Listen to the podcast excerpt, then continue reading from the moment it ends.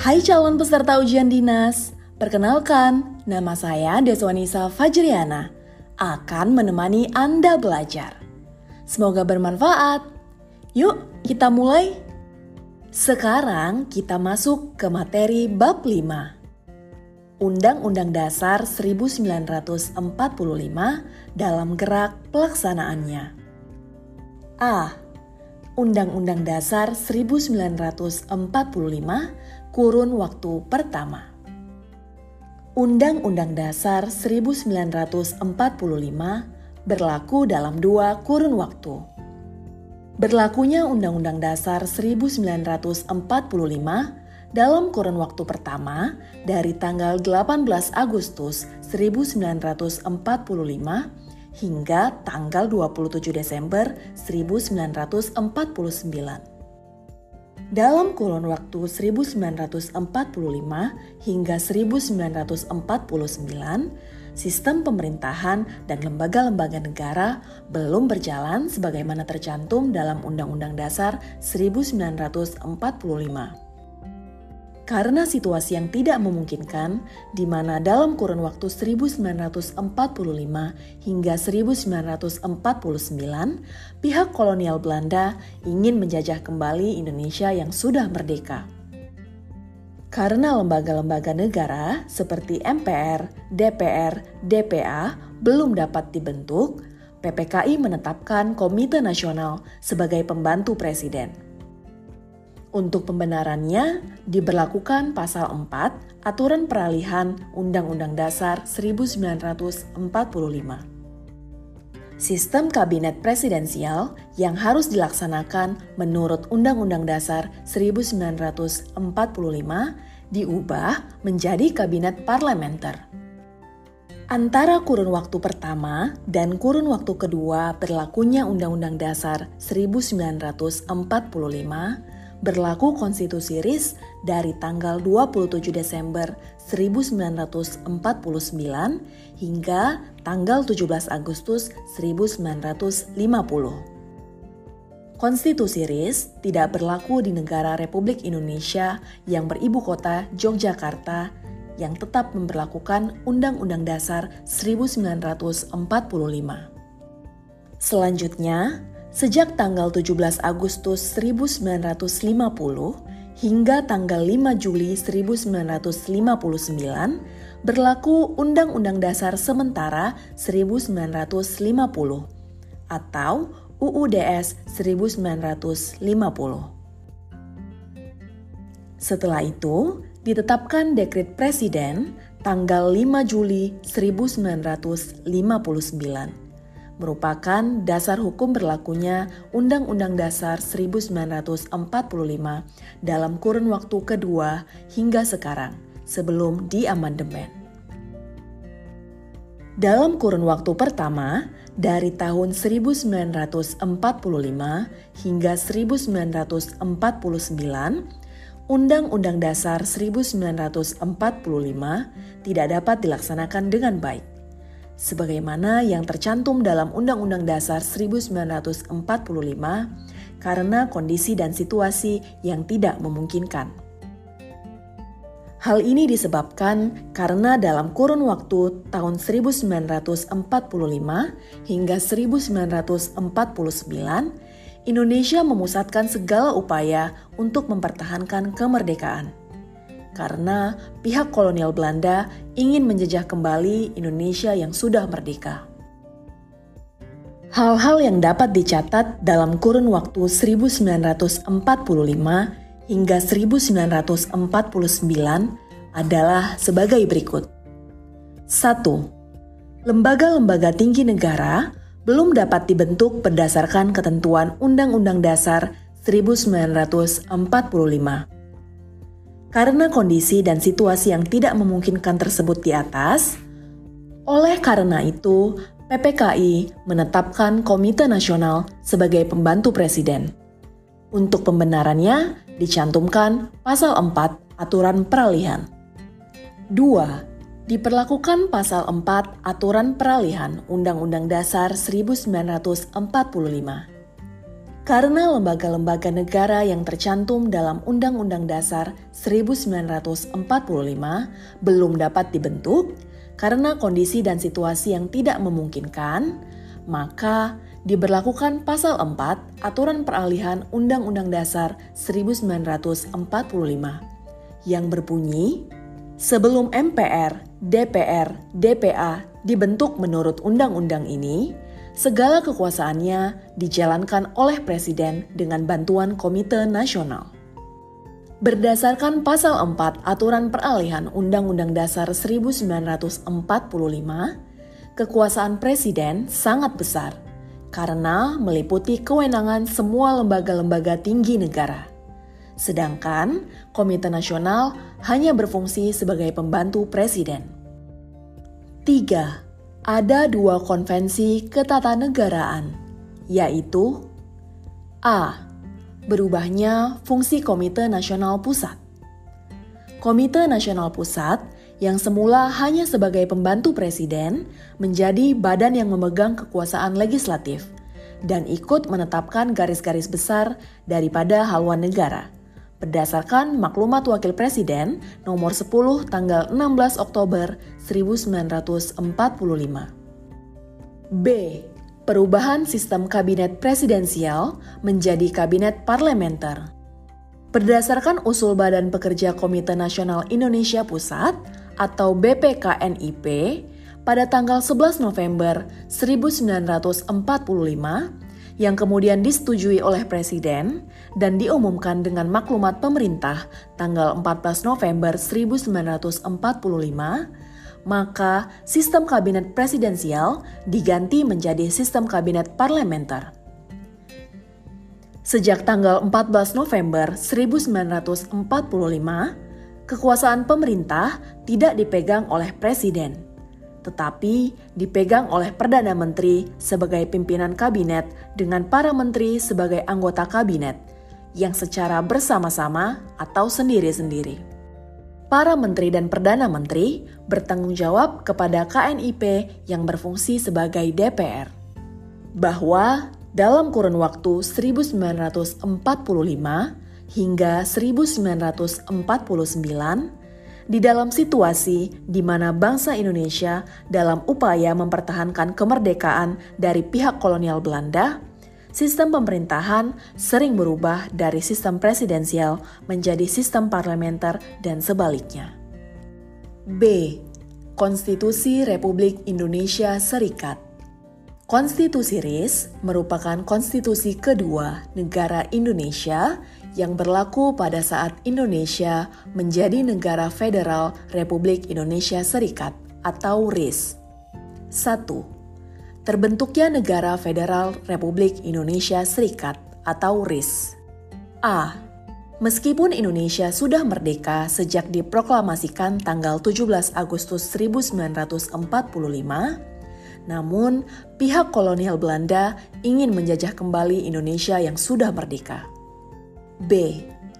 Dengan politik divide et impera dari pihak kolonial Belanda, terbentuk negara-negara bagian di wilayah Indonesia – misalnya negara bagian Sumatera Timur, negara bagian Indonesia Timur, dan lain-lain. C.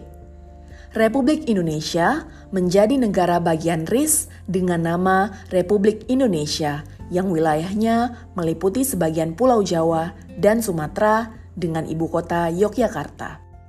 D.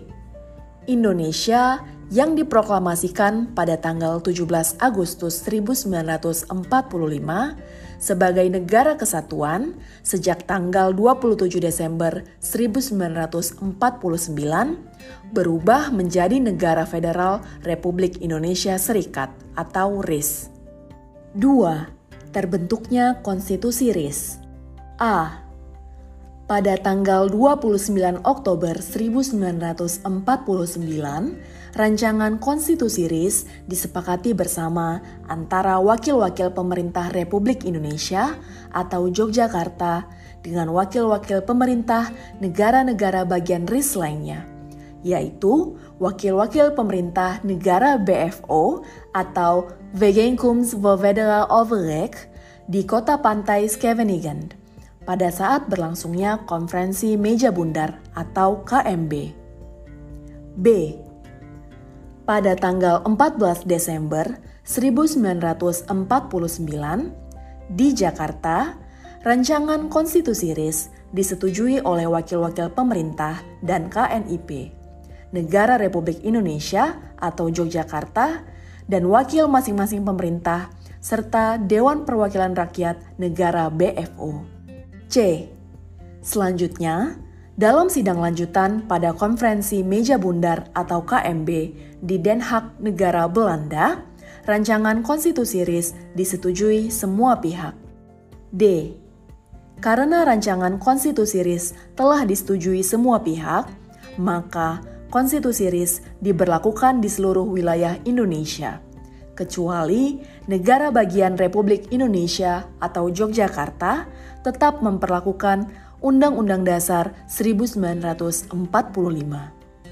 3. Berlakunya Konstitusi RIS Konstitusi RIS berlaku di seluruh wilayah Indonesia, kecuali negara Republik Indonesia yang wilayahnya meliputi sebagian Pulau Jawa dan Sumatera dengan ibu kota Yogyakarta negara Republik Indonesia atau Yogyakarta tetap memperlakukan Undang-Undang Dasar 1945. Konstitusi RIS berlaku dari tanggal 27 Desember 1949 hingga tanggal 17 Agustus 1950. 4. Konstitusi RIS menganut sistem parlementer. Sebagai konstitusi yang berlaku di negara federal RIS, Konstitusi RIS menganut sistem kabinet parlementer, di mana kekuasaan pemerintahan di tangan para menteri yang dipimpin oleh Perdana Menteri. Presiden bukan sebagai kepala pemerintahan, tetapi hanya sebagai kepala negara. Presiden sekedar konstitusional belaka karena tidak memegang kekuasaan pemerintahan. C. Undang-Undang Dasar Sementara 1950 Undang-Undang Dasar Sementara atau UUDS merupakan konstitusi ketiga negara Republik Indonesia yang berlaku sah sejak tanggal 17 Agustus 1950 hingga tanggal 5 Juli 1959. 1. Negara Indonesia kembali menjadi negara kesatuan. A. Negara Federal Race berlangsung sangat singkat hanya 8 bulan, yaitu dari tanggal 27 Desember 1949 hingga tanggal 17 Agustus 1950. Dalam kenyataannya, sejak berdirinya RIS, timbul suatu keinginan dari negara-negara bagian RIS buatan Belanda yang merasa tidak cocok atas terbentuknya RIS hasil KMB dan ingin bergabung dengan negara bagian Republik Indonesia yang beribu kota Yogyakarta. Pembubaran dan penggabungan negara-negara bagian itu dimungkinkan dalam pasal 43 dan pasal 49 Konstitusi RIS. B. Pada bulan April 1950, hanya tinggal beberapa bagian dari negara bagian Indonesia Timur dan Sumatera Timur saja yang belum bergabung dengan negara bagian Republik Indonesia Yogyakarta. C. Pada akhirnya, tercapai suatu kesepakatan antara negara Republik Indonesia Yogyakarta dengan negara RIS yang sekaligus mewakili negara bagian Indonesia Timur dan negara bagian Sumatera Timur, yang dalam waktu sesingkat-singkatnya bersama-sama mendirikan negara kesatuan.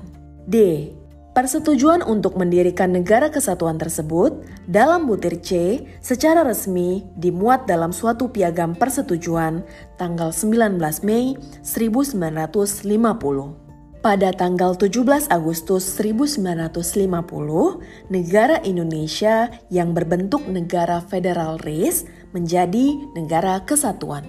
2. Terbentuknya Undang-Undang Dasar Sementara 1950 A.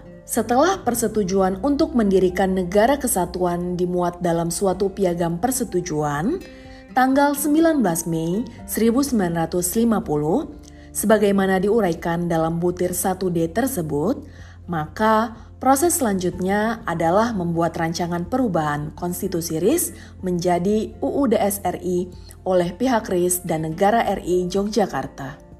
B.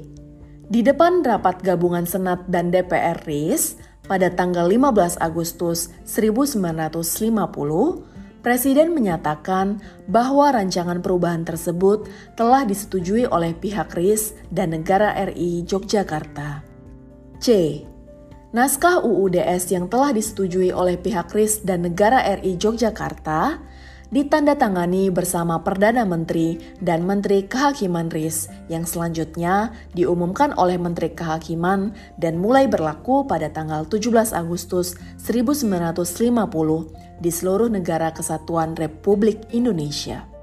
3. Berlakunya Undang-Undang Dasar 1950 Undang-Undang Dasar 1950 berlaku di seluruh wilayah Indonesia dari tanggal 17 Agustus 1950 hingga tanggal 5 Juli 1959 saat dekret presiden dikeluarkan. 4. UUDS menganut sistem kabinet parlementer. A. Presiden tidak memegang kekuasaan pemerintahan. Presiden sekedar konstitusional belaka kekuasaan pemerintah di tangan kabinet yang dipimpin oleh Perdana Menteri. B. Para menteri yang dipimpin oleh Perdana Menteri bertanggung jawab kepada DPR atau parlemen. C. Menganut landasan demokrasi liberal. UUDS menganut demokrasi liberal yang mengutamakan kebebasan individu. Dalam kurun waktu berlakunya UUDS 1950 dari tanggal 17 Agustus 1950 hingga 5 Juli 1959 telah terjadi pergantian kabinet sebanyak tujuh kali karena dijatuhkan DPR. Hal ini menunjukkan bahwa dalam kurun waktu 1950 hingga 1959, sistem kabinet parlementer tidak menjamin kestabilan pemerintah. Nah, demikian sesi belajar dengan saya, Deswanisa Fajriana. Jangan lupa kasih penilaian ya di akhir sesi mata pelajaran ini. Selanjutnya akan diteruskan oleh teman saya. Semoga sukses!